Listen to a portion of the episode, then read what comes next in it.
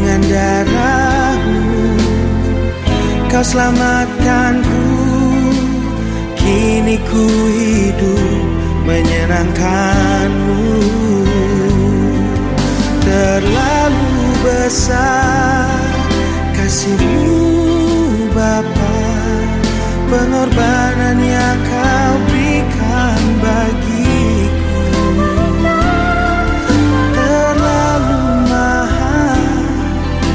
darahmu Yesus tercurah untuk menebus hidupku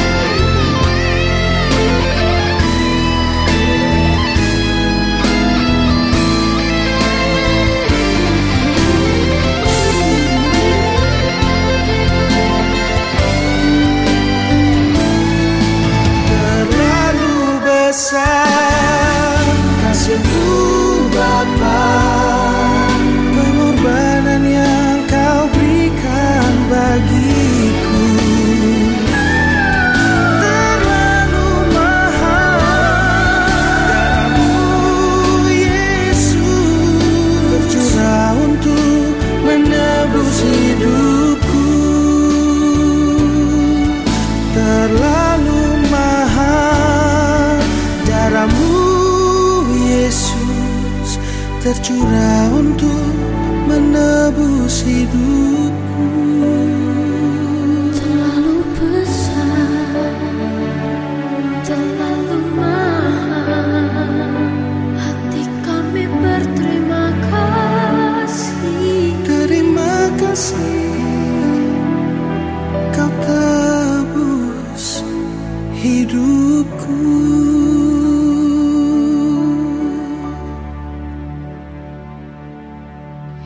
92,5 Maestro FM House with the Sound. Shalom dan apa kabar Sobat Maestro?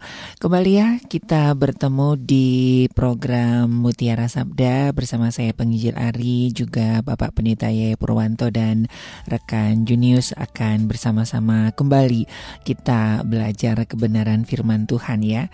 Dan bagi Anda silahkan yang eh, mungkin ada pertanyaannya seputar firman Tuhan Atau juga iman Kristiani bisa langsung SMS atau WhatsApp di 081 321 000925 dan eh, mulai hari ini ya kita akan mencoba untuk eh, sedikit Bible study begitu ya biar lebih terarah. Tapi ini juga tidak menutup kemungkinan buat Anda yang mungkin ada pertanyaan-pertanyaan di luar diskusi kita eh, hari ini. Apa kabar Pak Yahya Purwanto? Kabar baik, Ya, kabar sehat semua. selamat tahun baru dan selamat ulang tahun ya Pak Selamat Yahya ya. ya, udah, udah lewat beberapa, beberapa hari. Beberapa hari ya. Iya, dua Oke, hari. iya ini mewakili eh, teman-teman dan juga pendengar ya eh, mengucapkan selamat ulang tahun kiranya Tuhan terus memakai Pak Yahya Purwanto dalam pelayanannya ya. Oke, sebelum kita jawab eh, pertanyaan, mungkin eh, ada yang kita mau sedikit diskusikan, Pak Yahya Purwanto, atau kita langsung ke jawab ke jawab ke beberapa pertanyaan.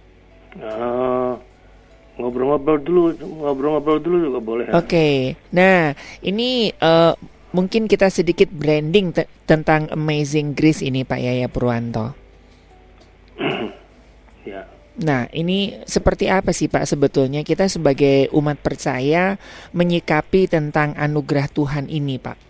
Anugerah Tuhan itu harus, harus disikapi dengan gini loh, ya. kita melihat anugerah Tuhan itu apa sebetulnya. Hmm, Anugerah Tuhan itu adalah sesuatu yang sebetulnya kita tidak layak untuk mendapatkannya. Menerima. Mhm. Ya. Tapi kita dikasih gitu loh. hmm, Ya. Jadi berarti kan harganya mahal toh, ya, bukan murah toh. ya, Ya enggak? betul, betul. Jadi jangan dianggap murahan. Nanti kalau dianggap murahan, repot nanti kita. Mhm. Kita tidak tahu terima kasih sama Tuhan kalau kita lakukan itu. Ya, Jadi memang harganya sangat mahal. Karena harganya mahal, maka kita menjadikan itu sebagai sesuatu yang berharga. mhm. Ya, oke, berharga kan? betul, Itu betul. Jadi kita melihat itu sangat berharga. Dan Mhm, ketika mhm. itu menjadi berharga, maka sebetulnya dalam pikiran kita kita kita mesti punya satu refleksi tentang diri kita. Kalau itu ber- begitu berharganya, lalu apa yang harus kita apa lakukan dalam hidup ini? Mhm. Karena itu begitu berharga kan? Ya, Kan begitu maksudnya. ya, ya. Jadi arti, artinya anugerah ini tidak ada campur tangan sama sekali dari kita ya, Pak ya. Oh, tidak ada. Oh, tidak ada. Oke. Iya, kemarin Tuh, pas cuman manusia kan sombong. Manusia kan Hmm. merasa sombong bahwa dirinya bisa kalau dia kaya, punya Iya. kuasa seolah-olah dia bisa meraihnya semuanya. Padahal sebetulnya tidak. Mhm, mhm. Iya, Semua itu kan asalnya dari Tuhan. betul, betul. Iya, kemarin pas ibadah ucapan syukur nih ada satu hal yang buat saya ini indah sekali waktu Pak Yahya memaparkan tentang anugerah ini ya kan ada dua macam ya Pak ya. Iya. Ada anugerah yang kayak anugerah kayak em, eh, AMI Award atau apa itu kan dari hasil usaha Ya, kita ya, terus ya, diberikan eh, penghargaan gitu ya sama Nah, anugerah itu yang kalau kalau itu saya tidak mau saya sebetulnya kurang sependapat kalau Hmm. itu disebut anugerah. Anugerah, Karena itu oke. kemudian mereduksi Nah. arti anugerah. Nah, betul ya, seperti Ya. malam penganugerahan. Nah, itu kan sebetulnya kan Orang misalnya menang pertandingan, itu bukan anugerah, dia memang hmm, ada dia usaha memang ya. menang dia Ya. berlomba menang itu prestasinya dia memang Hmm. di balik itu kalau dia ber- bisa berprestasi itu adalah ju- juga di situ ada campur tangan Tuhan Ya. karena karena gini karena ketika kita berprestasi itu ya misalnya gini contoh kita misalnya balapan motor Ya. balapan motor itu kan harus ada pertama motornya kudu bagus Mhm. orangnya kudu punya nyali kan Betul. kira-kira gitu kan dan yang ketiga nah ini ada unsur yang misterius di sini satu yang Mhm. kita- kita nggak bisa ngomong Iya.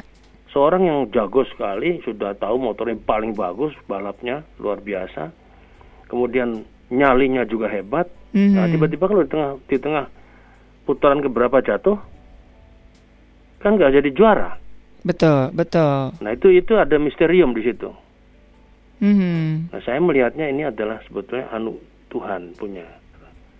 Tuhan punya gawe, Tuhan punya kehendak di situ. Ya. Ada. Nah, jadi jadi jadi apa pun yang diperlombakan yang dia di uh, apa namanya? Dibikin suatu bentuknya prestasi apa pun juga memang di baliknya juga ada anugerah Tuhan, ada. Tapi Mhm, tapi itu memang kita punya karya. Kalau kita memang memang bisa ya memang kita bekerja keras, berjuang dan segala macam itu. Ya. Hmm. Itu. Ya, ta- tapi, tapi kalau kita bicara anugerah, sebetulnya hidup ini hidup ini yang kita jalani anugerah. Mhm. Sampai pada keselamatan yang kita dapatkan itu anugerah yang paling besar di situ. Sempurna puncaknya. Ya. Ya. Ya. Jadi jadi harus dibedakan antara se- sebuah bentuk prestasi dengan sebuah yang dikatakan anugerah dalam pengertian Ya. bahwa kita nggak layak tapi kita menerimanya. Betul. Ya kalau bentuk prestasi itu saya lebih tepat mau mengatakan seperti Mhm. perumpamaan talenta. Kalau saya misalnya jadi, misalnya kita jadi orang pandai lalu nggak mau belajar, ya kan kan kita nggak bisa ranking satu. Betul, betul. Harusnya kalau kita tahu kita pandai dikasih anugerah Tuhan kepandaian talenta lima, ya kita mesti lima. Mhm. Itu di situ Iya. loh. Iya. Ya di situ, di situ karena di situ Tuhan juga memberikan kepada kita kemampuan-kemampuan lewat akal budi, lewat gerak motorik, lewat semua hal yang kita miliki dalam hidup ini. Betul. Kalau nggak didaya gunakan, kita berdosa di hadapan Tuhan. Mhm. Ya, itu kalau kita nggak kita kalau kita tidak melakukannya, sebetulnya kita sedang melawan Tuhan namanya. Iya. Seperti per- orang yang dikasih satu talenta, dia melawan Tuhan, ya dihabisi sama Tuhan. Mhm. Benar. Ya, dia dia bukan orang jahat, orang jujur, tidak mencuri uangnya tuannya. Iya. Dikasih satu dikembalikan satu, Betul, tapi salah betul, karena dia betul. tidak menyambut itu sebagai sebagai ungkapan syukur untuk dijalankan dalam hidupnya. Mhm. mhm. Gitu, talenta itu dipendam gitu. Iya. Ya, Oke. itu itu maksudnya, Mas. Iya. Iya. Tapi prinsipnya kalau saya punya pandangan kalau dikatakan grace itu ya, apalagi ah, disebut amazing grace itu, Mhm. yaitu yaitu betul-betul bahwa itu diberikan pada kita tanpa syarat, Tanpa syarat, dari iya. dari si penerima dengan kualisi kualifikasi kualifikasi kualifikasi tertentu. Hmm. Ya, Oke. itu betul-betul ya. Oke. Jadi makanya di situ indah, satu yang indah amazing. Ya. Iya. Karena apa? Sebenarnya kita nggak berhak menerimanya. Mhm. Itulah anugerah. Oke. Gitu. Oke, nah apakah ada eh, klasifikasi tertentu Pak untuk eh, yang sesuatu eh, di dalam kekristenan yang oh ini yang disebut grace kan ada anugerah yang anugerah yang terbatas, ada anugerah tak terbatas atau anugerah yang seperti apa gitu Pak? Hmm, Anugerah tak terbatas atau terbatas ya. ya, Saya rasa begini. Kalau kita kan ke- kembali kembali kepada terminologi tadi bahwa Iya. anugerah itu adalah suatu yang kita tidak berhak menerimanya. Tidak berhak kita menerima. Oke, iya. ya kita nggak berhak kita ini Mhm. manusia berdosa kok dikasih anu ya itu yang menyebabkan itu menjadi suatu yang sangat amazing dan Hmm, hmm. dan ketika kita mendapatkannya maka sebetulnya kasih Tuhan kepada kita tidak terbatas Oke. bukan anugerahnya terbatas tapi kasih Tuhan pada kita tidak terbatas seperti Hmm. misalnya contoh Sakyus Sakyus merasa tidak layak dia karena Oke. dia dosanya banyak Iya, iya. nggak ada kualifikasi standar yang dia bisa masuk dalam uh, komunitas Yesus. Mhm, mhm. Tapi dia dapat, itu loh. Oke. Itu kan itu kan berarti kan kasih Tuhan pada dia tidak terbatas, Mhm. melampaui batas apa pun juga, Iya, betul. gitu loh. Dia itu perempuan Samaria misalnya yang berzina, Hmm. ya kan? Kan harusnya dirajam, tapi sama Yesus dikasih pengampunan. Itu kan luar biasa. Padahal dia bukan keturunan anak Abraham, Mhm, mhm. bukan umat perjanjian. Ya, betul, betul. Tapi jadi nggak ada kualifikasi tertentu Oke, pada orang itu, ya, ya ya, itu. ya. Oke, nah ini secuplik ya Sobat Maestro, mungkin Anda nanti ada pertanyaan-pertanyaan seputar anugerah ini karena di luar sana ada beberapa pandangan. Silahkan nanti bisa berdiskusi Ya, boleh, ya. boleh Oke, gitu, ya, soalnya ada anugerah terbatas, ada anugerah tak terbatas, lah ini udah ranah teologis ya nanti ya. Oke, kita ke Ibu Lani nih Pak Yahya, ini ingin eh, bertanya tentang Amsal 11 ayat yang ke-29. Oke, kita akan coba lihat dulu ya Amsal 11 ayat yang ke-29. Demikian firman Tuhan. Siapa yang mengacaukan rumah tangganya akan menangkap angin. Orang bodoh akan menjadi budak orang bijak. Ya jadi ini yang yang ayat-ayat ini sebetulnya Amsal ini kan se- sebuah apa ya sebuah misal. Mhm, mhm. Amsal itu kan sama, Ya, sama dengan misal lah sebetulnya yang kita sebutkan sebagai bagian daripada Alkitab yang menggambarkan tentang eh, apa namanya eh, firman Tuhan Mhm. yang betul-betul yang digam- dimisalkan seperti itu Betul. dan itu pemisalan itu adalah sekumpulan ajaran tentang cara hidup yang bagus Mhm. ya kan kita kan kalau kalau ngomong kan sering kita sudah bikin statement misalnya kan gitu kan Ya. sering kali untuk meyakinkan itu kan hmm, hmm. Nah, itu kira-kira gitu Amsal itu. Jadi satu kumpulan yang memang ya tentang ajaran untuk kita bisa hidup dengan bagus, Ya. dengan baik di, di hadapan Tuhan. Nah, ajaran itu diungkapkan dengan misal dalam tanda petik Hmm. Amsal dengan katakanlah seperti contoh Contoh. Oke. ya contoh eh, kata bijak misalnya Mhm, dan mhm. sebagainya kira-kira Mhm, gitu mhm. ya bisa juga pepatah bisa itu itu semua pemisalannya itu Mhm. nah itu mengapa itu dipakai karena karena ajaran ini menyangkut kehidupan sehari-hari Oke. nah, jadi itu dulu konsep itu dulu kalau kita Mhm, sudah mengerti mhm. itu maka kita akan bisa mengerti apa yang ada di ah, balik nah Amsal, tujuan daripada ya. itu apa supaya orang-orang itu punya punya hikmat atau pengetahuan yang di mana akhirnya yang tertinggi pengetahuan itu adalah rasa hormat dan takut pada Tuhan. Hmm. Nah, Ya. sekarang kita kalau kita sudah mengerti ini, kita sekarang kembali ke Amsal 11 ayat berapa tadi? 29 29. sama dan 30 kan? Ya. Ya kan? Ya. Jadi di situ di dalam ayat yang ke-20 11 ayat 29 itu ya siapa yang mengacaukan rumah tangganya ya akan menangkap angin. Mhm. Mengacaukan rumah tangga di sini dalam pengertian jadi orang yang ada orang kan mengatakan hidup ini kok dibikin susah sih. Oh, ya. Ya. Nah, kalau kita dalam hal berumah tangga itu kemudian yang ada pada kita keluhan, merasa susah, merasa segala macam, itu sama saja menyusahkan kehidupan kita di rumah tangga itu. Mhm. Kalau itu kalau itu kita lakukan terus-menerus pikiran-pikiran seperti itu, maka kita akan kehilangan daya yang harusnya kita ndak kalau kita nggak menyusahkan dengan hal seperti itu, kita bisa mengerjakan hal yang lain. Oke. gitu loh. Tapi kalau kita tetap pada konsep cara berpikir seperti itu dan itu akan mindset itu akan mempengaruhi gaya cara hidup kita, Mas. Hmm. Mhm.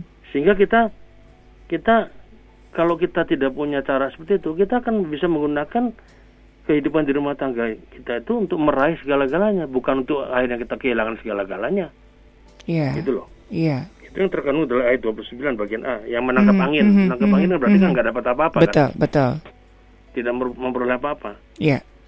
Tapi kalau kita meng- kita bisa menghilangkan itu mindset itu, maka kita tidak akan kehilangan segala-galanya. Kita nggak akan dapat nol. Hmm. Pasti akan dapat. Kenapa? Karena kita percaya bahwa Tuhan akan eh, menyertai kita. Betul. Sebaliknya kalau kita dalam hal tadi yang saya katakan tadi kita membuat hidup ini susah seolah-olah susah terus itu ya, itu kan sama saja orang kayak nggak punya iman pada Tuhan. Hmm. Ya, Oke. ya. Iya. 29 bagian A ya. Bagian A. Betul, orang betul. yang bodoh akan menjadi budak orang bijak. Ya, jadi gini, ya, memang di dalam Alkitab juga kan ada kelompok-kelompok orang yang apa namanya marginal lah ya, Mhm, mhm. kurang pandai, kurang Iya, ini, kurang aja. iya. Ya, selalu ada dalam hidup manusia. Nggak semuanya orang pandai kan, nggak semua orang yang kaya kan. Betul. Nah, dalam kelompok-kelompok ini ada orang-orang yang memang harus bagaimanapun juga bisa melayani orang yang bijak itu, orang yang Hmm. punya pengetahuan, yang punya kepandaian. Ya, dan yang penting adalah di dalam kepandaian orang-orang yang bijak ini bukan mengeksploitir apa orang-orang yang katakanlah dikatakan di sini bodoh dalam Mhm. tanda petik, tapi sebaliknya justru mengasihani orang-orang bodoh ini Iya.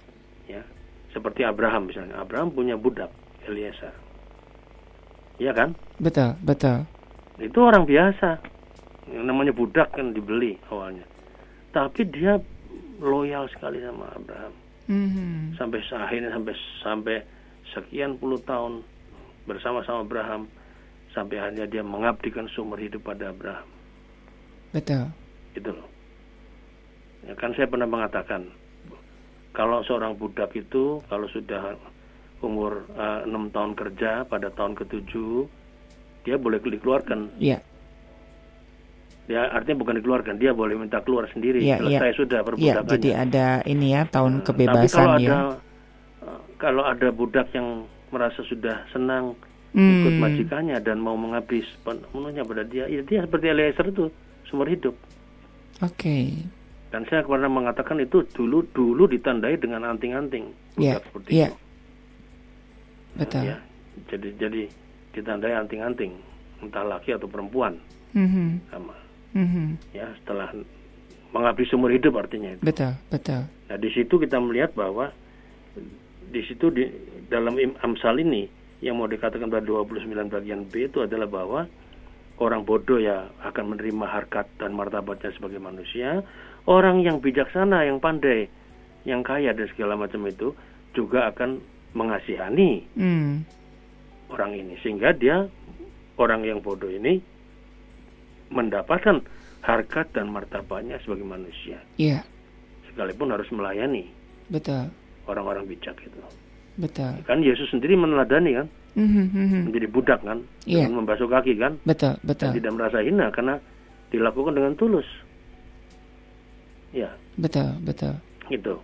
Itu, itu ayat 29 ya. Mhm, mhm. Nah, kemudian ayat, ayat 30 ya. Iya, Oh, eh, ini ayat 29 aja Pak. 29 Da- aja. dan ini Ya. cukup menarik Pak di ayat 29 ini tadi kan eh, diawali dengan eh, rumah tangga begitu. Apakah memang ini berbicara kan kadang-kadang eh, ada beberapa beberapa yang menyampaikan firman Tuhan yang tentang rumah tangga mengambil ayat ini. Apakah memang konteksnya ini memang untuk rumah tangga gitu Pak? Atau untuk umum? Ya, jadi ini ini untuk rumah tangga, Mas. Oh, Bahasa asli Ibrani untuk rumah tangga. untuk rumah tangga ya. Rumah Oke. tangga, bukan untuk umum, bukan. Mhm, mhm, mhm. Jadi siapa yang siapa yang meng- mengacaukan rumah tangganya, rumah tangganya loh, bukan orang lain mengacau rumah tangga orang lain, bukan. Ya keluarga itu mengacaukan Oke. sendiri, Oke, ya. Dengan cara tadi saya katakan tadi, ya, ya. Hidup itu sudah susah karena kita banyak bergumul banyak. Dari awal kan Tuhan mengatakan bahwa ketika manusia ma- masuk dalam dosa itu kan jadi susah kan. Mhm, mhm. Kalau udah tahu susah itu dalam rumah tangga itu jangan membuat kesusahan-kesusahan lebih banyak lagi sehingga kemudian mindset kita seolah-olah terpatri dengan pikiran bahwa hidup ini kok susah terus. Jadi di situlah kita tidak pernah percaya pada Tuhan ses- sesungguhnya. oke, Padahal padahal kita tahu bahwa sesusah apa pun dalam hidup kita berumah tangga asal bersama dengan Tuhan Hmm. pasti akan bisa oke. Nah, mengatasi badai-badai itu iya, semuanya. betul. Nah, ini menarik Pak ya kalau kita eh, belajar tentang Amsal ya. Contohnya di Amsal 11 ayat 29 ini kok antara bagian A dan B itu kok kayaknya nggak nyambung gitu Pak. Yang satu ngomongin tentang rumah tangga, terus habis gitu eh, dikaitkan dengan eh, orang bodoh akan jadi budak gitu. Apa kesinambungannya seperti apa ini Pak Yahya? Nah, jadi eh, itu nanti ayat yang ke-29B itu Mhm. sebetulnya sambungannya ke 30. ayat 30. Oh, Itu loh. Oke, oke. Ya, Ya, ya. sambungannya kayak 30. Mhm. 30 yaitu apa? Bahwa dikatakan kalau kita orang itu benar ya di hadapan Tuhan, mak orang benar adalah pohon gitu, Pak. Orang benar. Kalau kita menjadi orang benar, maka akan ad- jadi pohon kehidupan. Artinya apa? Mhm, mhm. Kalau kita memang hidup benar di mata Tuhan, maka Tuhan menjamin hidupnya Oke, kita. ya. Karena kita mempercayakan pada itu. Mhm, Ya. mhm, Nah, mhm. siapa bijak mengambil hati orang. Ini artinya apa? Sia kalau orang jadi orang bijak di mana-mana, itu adalah orang yang pengikutnya pasti banyak bertambah. Oke, ya. Termasuk jadi orang mau jadi budaknya dia. Kalau dia bijak, Mhm, mhm, itu loh. mhm, Nah, itu ada pengaruhnya ada di sini Oke, dari ayat ini. ya, ya. Ada hubungannya, Oke. ya, bukan tidak ada hubungannya. Jadi kalau kalau dikatakan di dalam itu, kalau orang benar Ya, dan siapa bijak mengambil hati orang. Mhm, mhm. Maksudnya apa? Orang kalau bijak itu ya dia akan banyak yang senang dia, yang Oke. banyak i- yang ikut dia, Ya, banyak kawannya, ya. ya. Mhm. Banyak budaknya juga karena budak-budak itu pasti mau Hmm. mempercayakan dirinya pada orang bijak ini. Daripada orang yang bodoh, kan gitu Iya, kan? betul, betul. Betul. Jadi ini pentingnya ya Sobat Maestro ya ketika kita membaca firman Tuhan kalau misalkan ada yang mungkin agak bingung coba dibaca ayat sebelumnya Ya, dan ayat sesudahnya ya Pak ya. Kalau nanti kalau di, di perjanjian baru malah lihat perikop sebelumnya, Nah, lihat peri- perikop sesudahnya. Itu konteksnya Hmm. namanya konteks. Iya, iya, iya. Kalau kita mengambil Alkitab di luar konteksnya, nanti kita keliru Mhm. mengartikannya. Mhm, mhm. Ya, Betul, betul. Iya. ya misalnya gini, eh, mintalah akan didapat, carilah, Mhm, eh, ketuklah mhm. pintu, pintu dibuka, mintalah maka engkau akan dapat. Ya. Itu kalau kita lepaskan dari konteksnya, keliru nanti kita. Seolah-olah kita ini kalau jadi, wah ini kalau jadi orang Kristen enak ya kita minta sama Tuhan pasti jadi kaya Hmm. kita. Nah, itu kira-kira konteksnya apa Nah, Pak ya? Ini yang kalau sering kali lebih jauh lagi, mintalah kuasa Roh Kudus. Oh. Karena tidak semua orang yang percaya pada Tuhan itu punya kuasa Roh Kudus dalam dirinya. Mhm, mhm. Tidak semua orang yang percaya sama Yesus itu di dalamnya Roh Kudus hadir. Oke. Iya. Jangan-jangan jangan-jangan roh iblis yang hadir malahan. Mhm, mhm. Kan begitu kan? Iya, Bisa. iya. Itu salah satu konteks Mhm, contoh. mhm. Ya. Betul, betul, betul. Ya, seperti itu ya Sobat Maestro ya, supaya Terus ada lagi satu Hmm. ayat Alkitab ini yang misalnya di dalam Alkitab ada eh, apa namanya? Berilah maka engkau akan diberikan Diberi. takaran-takaran sampai Hmm. meluap. Ada istilah istilahnya Ya, ya, mungkin ya. bisa dicari di Alkitab. betul, betul, Ada kan? betul, betul. Itu sering kali dipakai oleh hamba-hamba Tuhan yang tidak pernah sekolah teologi atau sekolah teologi. Nah, itu betul. Ini untuk seolah-olah untuk kalau berkat kamu beri ya, sama untuk Tuhan, materi kamu akan ya, Pak. Tambahin terus Hmm. sampai berlimpah-limpah kekayaanmu. Oke. Ini salah. Kalau kita lihat itu ayat itu, kalau kita baca terus ke bawahnya, nah di situ akan memberilah apa? Memberi pengampunan Mhm, mhm. pada orang. Kalau kita memberi pengampunan pada orang, kamu akan diberi pengampunan oleh Tuhan berlimpah-limpah. Mhm, mhm. Itu sama seperti konsep perumpamaan orang yang utang berapa? Ya, ya. Enam Eh, ribu sepuluh, sepuluh talenta ribu, mm-mm. Sama 100 dinar. kan? Seratus dinar, betul. Satu banding 60 juta. Ya, Kalau pakai uang, kurs uang loh. oh iya. Satu banding 60 juta. Mhm. Jadi kita dikasih pengampunan. Kalau kita kasih pengampunan pada orang satu saja, kita dikasih 60 juta sama Tuhan pengampunan. Mhm, mhm. Sampai luber-luber.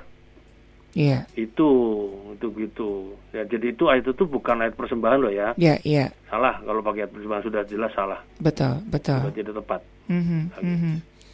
Oke, ya, oke. Wah, ini semakin menarik ya, sobat maestro ya. Orang kita itu jadi orang Kristen tuh harus kan saya berkali-kali kan di maestro kan selalu mengatakan kita mesti jadi berkat kok. Betul, betul. Memberkati orang kok. Makanya kenapa dalam konsep pemuda yang kaya yang sudah melakukan segala hal itu masih kurang satu. Mhm. Pergi jualah hartamu. Bagikan pada orang. Kamu belum jadi berkat. Kamu udah memang jadi pemuda hebat. Hukum Taurat kamu penuhi semuanya. Mengasihi orang juga kamu lakukan. Persembahan juga pada Tuhan kamu berikan. Semua Mhm. tepat semuanya. Puasa juga dilakukan. Doa juga sudah bagus. Hanya satu yang kurang. Mhm, mhm. Yang menyebabkan dia tidak bisa ikut kerajaan Allah kan. Dia Iya. dia akhirnya kan dia meninggalkan gitu aja Tuhan Yesus kan Ya. ketika ditantang itu. Mhm. Pergi, jualah hartamu, berikanlah pada orang-orang Mhm. miskin. Ya, Ya kan? betul. Sebetulnya itu tantangan Tuhan. Tuhan tidak mau Tuhan tidak mau mengatakan bahwa per- eh, jualah semua hartamu sampai kamu rudin miskin. Mhm, Ya mhm, bukan kalau sudah mhm. miskin kan nggak bisa menjadi berkat. Ya, Ya betul. itu itu Mhm. kon- konsep Alkitab itu begitu mas. Betul, betul. Seperti halnya kita dapat anugerah. Kalau kita dapat anugerah apa? Ya jadi berkat lah. Mhm. Ya. Abraham diberkati Tuhan supaya apa? Jadi berkat. Ya. Oke, Ya, jadi berkat itu bukan dalam arti hanya memberi uang ya. betul, Kalau kita betul. memberi uang bisa ya bagus, tapi di Mhm. samping itu banyak hal yang Banyak lainnya hal, betul, betul. yang bisa kita lakukan sebagai anak-anak Tuhan. Mhm. Mhm. Ya, Oke, iya. Ini sangat indah ya. Semoga ini bisa dipahami ya buat Ibu eh, Lani ya di Arca Manik. Kita ke Pak Harli di Gempol Asri nih. Bertanya tentang keluaran 34 ayat yang ke-6. Ini akan saya bacakan ya tentang eh, keluaran 34 ayat yang ke-6. Mungkin dari ayat yang kelima ya, biar supaya kita tahu gambarannya ya. Turunlah Tuhan dalam awan lalu berdiri di sana dekat Musa serta menyerukan nama Tuhan. Berjalanlah Tuhan lewat dari depannya dan berseru, Tuhan, Tuhan, Allah penyayang dan pengasih, panjang sabar, berlimpah kasihnya dan setianya. Mungkin ini yang ditanyakan Pak Harli ini tentang Tuhan berjalan gitu Pak Atau yang konsepnya ini seperti apa Pak? Apa ini memang sebuah eh, gambaran atau memang Tuhan itu secara pribadi ada kaki dan kita bisa menyaksikannya itu seperti berjalan gitu Pak? ya jadi eh, dalam keluaran pasal 34 Empat. tadi ya, ayat Ya. yang ke 5 dan 6 ya. Mhm. Itu, itu dalam konsep Alkitab ya. Itu sebetulnya itu gambaran antropormisme. Hmm. Antropo antropomorfisme Ya. ya yaitu apa penulis-penulis Alkitab ini firman Tuhan kan begini mas kan Tuhan itu kan bentuk bentuknya apa pencipta kan Iya. awalnya Iya. menciptakannya juga langsung dari dari mulut dia kan Mhm, mhm. dari suara dia dan suara yang dikenal itu adalah menurut konsep perja- uh, Alkitab itu adalah kenapa disebut akhirnya Bapa ada istilah Bapa. Iya. ya. Ya kan? Nah dalam konsep seperti itu lalu kemudian kita melihat kemudian eh, manus- a- kemudian kalau kita lihat perjanjian lama itu Allah itu kemudian dikenal lewat apa? Kalau nggak lewat kalau nggak lewat Alam semesta gitu Pak? oke alam Mimpi. semesta Iya, tapi iya. dikenal lewat apa kepada nabi ini pada nabi itu Hmm. lewat suara kan Suara betul. tidak menampakkan muka kan Iya, iya. ya kan? kemudian kemudian bentuknya firman berarti kan Mhm, mhm, nah, firman ini kan akhirnya apa sempurna dalam kedatangan Yesus sebagai manusia firman yang hidup firman yang jadi Oke. manusia Oke. Iya. nah jadi dari dulu tuh Allah Allah ingin menjangkau suatu persekutuan kasih dengan manusia itu lewat lewat dirinya yang rela menjadi manusia sebetulnya Mhm. Tetapi ketika masih ada di konsep perjanjian lama, itu ada sulit. Iya. Sulitnya karena apa? Karena kebentur dengan kemahasucian Tuhan, kemahakuasaan, LCD-nya Mhm, Tuhan mhm, gitu. loh. mhm, mhm. Allah itu kan maha suci. Mhm. Ya lihat malaikat aja orang takut kok Iya. sinarnya Betul. berkilau-kilauan seperti para gembala yang kaget kan Mhm. melihat sinar berkilauan dari surga dan bala tentara surga datang itu. Betul. Jadi tidak bisa. Makanya ketika Musa dipanggil itu kan dikasih tanda kan semak belukar Iya, yang iya, menyala kan, menyala, yang dekat-dekat betul. suci kamu mati kamu nanti dekat-dekat itu. Nah, istilah yang dipakai di sini sebetulnya adalah sebuah gambaran saja, Hmm. ya. gambaran bahwa supaya supaya manusia zaman dulu itu ngerti Tuhan, Iya. maka dipakailah gambaran Tuhan itu kayak manusia. Manusia. Oke. Ya, Mhm. eh, manusia yang bisa jalan, yang bisa Mendengar gitu ya yang suka Mendengar, ya. suka di di Mazmur suka ini ya eh, apa namanya telinga Tuhan tidak kurang Ya, tajam mata- gitu ya. mata Tuhan mata Tuhan melihat. ya. Mhm, mhm. Dikasih gambaran mata Ya, kan, nah, ya. kaki Tuhan berjalan. Mhm, mhm, mhm. Kaki Tuhan berjalan ini kan sudah terjadi ketika Adam dan Hawa, Dan Hawa. dalam dosa. Iya, betul. Tiba-tiba Tuhan dia, Adam dan Hawa mendengar ada suara kaki. Iya Hmm, kan? mhm. Langkah-langkah, suara langkah maksudnya. Mhm, mhm. Ya, Tuhan itu. Nah, di sini juga sama Musa ini. Berjalan. Iya. Kalau kita membaca di pasal 30 itu kan berjalanlah Tuhan lewat dari depannya dan berseru dari depannya dan berseru. Ya, Mhm, mhm. berjalan dari depan itu itu tanda bahwa eh, dari depan. Ya. Iya. Jadi maksudnya Musa itu hanya ngelihat belakangnya Tuhan, Mhm. ya. Itu memang memang sudah juga dikatakan oleh Tuhan ketika Musa men- men- bertanya kan Tuhan Ya, kalau nanti ya. dicari siapa, siapa namamu gimana? Saya, aku, aku, aku mau lihat engkau Tuhan, nggak bisa. Kamu kalau lihat aku berhadapan muka dengan muka, Hmm. Mati Ah, kamu. Mati, betul. Nanti itu ada lekuk gunung di sana katanya, kata Hmm, Tuhan. mhm. Saya akan lewat di situ. Saya akan lewat jalan. Tapi Mhm. kamu cuma lihat punggungnya aku, belakangku. Hmm. Ini juga termasuk penggambaran juga ya, Pak ya? Ya, penggambaran. Nah, gambaran antropomorfisme, antropomorfisme, itu. Antropomorfisme, iya. Tuhan yang digambarkan sebagai antropos, Mhm, sebagai manusia. Bermanusia, iya. Ya. Padahal Tuhan bukan manusia, tapi memang Tuhan manusia.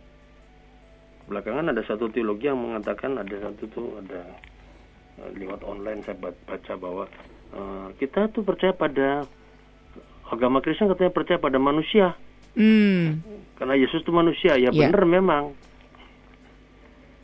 Ya kita percaya pada Yesus sebagai manusia iya, tapi juga di pihak lain yang sebagai manusia apa bukan sebagai manusia yang mati terus Mhm, mhm. tapi manusia yang hidup, bangkit dan kembali menjelma jadi Tuhan kan? Iya, Kan gitu kan? iya. Ya. Tapi Dan- disalah mengerti oleh banyak orang bahwa wah ini salah Hmm. keliru. Ini argumentasinya kenapa kok manusia? Kok kita percaya sama manusia?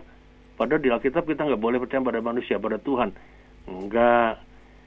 Kita percaya pada manusia. Kalau manusia biasa ya kita nggak percaya Yesus manusia luar Mhm, biasa mhm, karena dia mhm. mati tidak mati terus. Kalau kita Iya. manusia yang biasa kan mati, mati terus ya kita nggak percaya kalau pada manusia yang bisa mati terus. Mhm, mhm. Kita percaya pada manusia yang bisa bangkit sendiri, Iya. yaitu Yesus. Mhm, mhm. Nah, jadi kira-kira begitulah ayat-ayat yang kita baca tadi dalam Oke. berjalan itu ya. Oke. Jadi itu hanya semacam penggambaran. Hanya aja. penggambaran ya. menggambarkan bahwa supaya yakin Mhm, manusia mhm, itu bahwa mhm, memang ya memang ada Tuhan. mhm, Ya. mhm. Jadi Oke. eh, jadi itu merupakan bagian daripada teo theopneustos. Oke. Theopneustos itu bahasa Yunani yaitu apa? Penampakan Allah. Iya, iya. Dan ini Penampakan sang Allah bisa dalam bentuk tadi Mas bilang apa? Hmm. Guru, Iya, eh, iya. apa segala macam apa namanya? Orang berjalan, Mhm, mhm. penampakannya begitu kan? Belukar Betul. yang menyala Iya, iya. dipakai Tuhan. Betul. Dan ini sangat menarik ya Pak ya. Kalau dalam perjanjian lama itu kan hal-hal itu yang terjadi. Sementara di perjanjian baru kan nggak pernah ada begitu ya. Ya, betul. Soalnya sudah digenapi dalam pribadi Nah, Yesus itu ya Pak itu ya. Kita bisa membaca dari Ibrani pasal 1 ayat 1. Coba kita baca Oke, Ibrani 1 oke. ayat 1. Ya.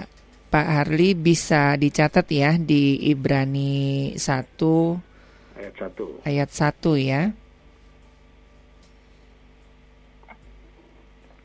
Oke. Coba kita baca, Ibrani. coba kita buka. Ibrani 1 ayat yang pertama. Setelah pada zaman dahulu Allah berulang kali dan dalam pelbagai cara berbicara kepada nenek moyang kita dengan perantara nabi-nabi.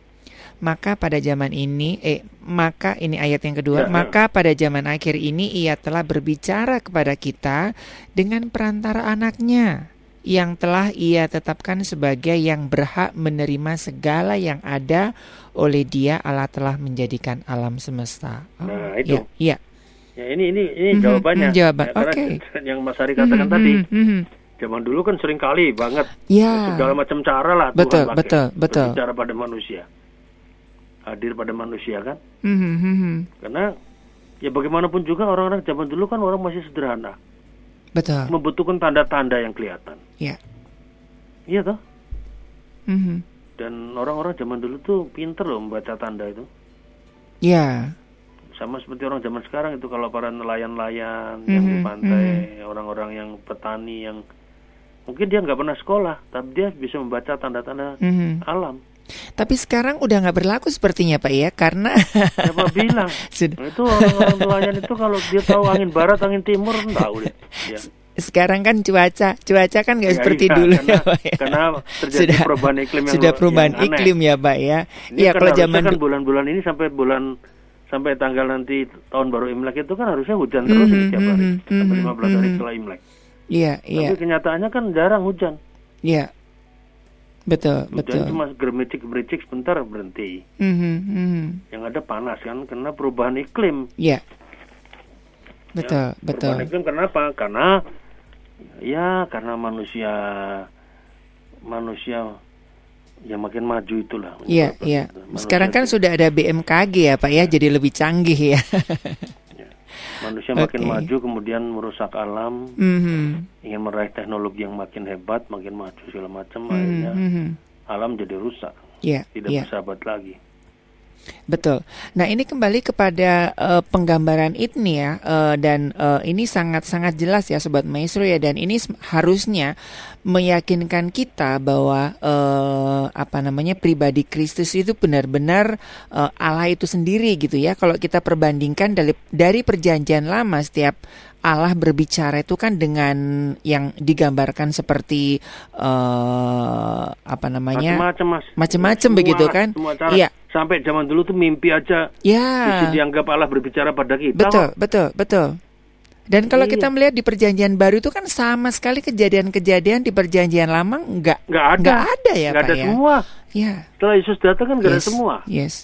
Karena sudah sempurna dalam Hmm, Kristus. hmm, hmm. Oke. Nggak perlu ada lagi yang harus diragukan.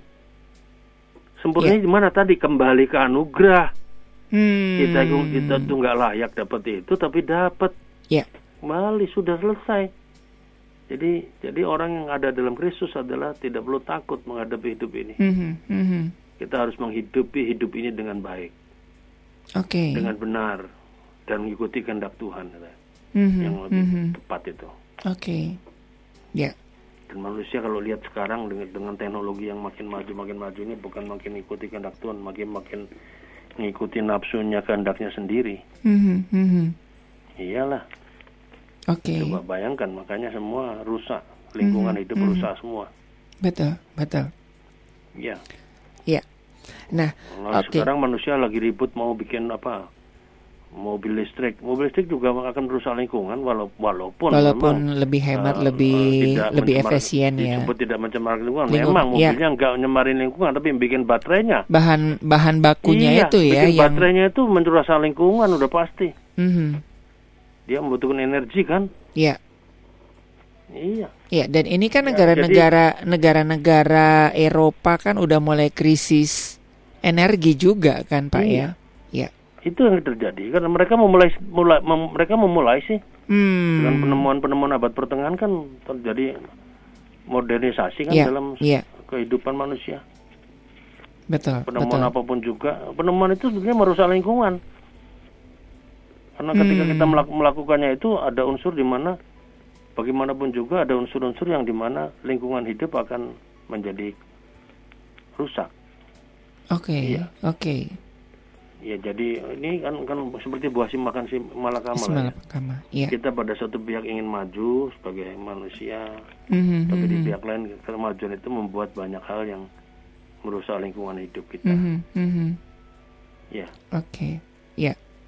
Ya, wah ini sangat indah sekali ya dari dua pertanyaan ya dan nah kira-kira Pak Yahya ini masih ada uh, 5 menit lagi ya. waktu kita. Nah, apa yang bisa kita pelajari dari uh, anugerah yang dirangkum dengan Amsal dan uh, di keluaran ini tadi, Pak Yaya? Ya, saya rasa saya rasa kita sebagai manusia kalau melihat anugerah ini jangan cuma melihat bahwa anugerah itu seolah-olah kekaya kekayaan. Mm -hmm.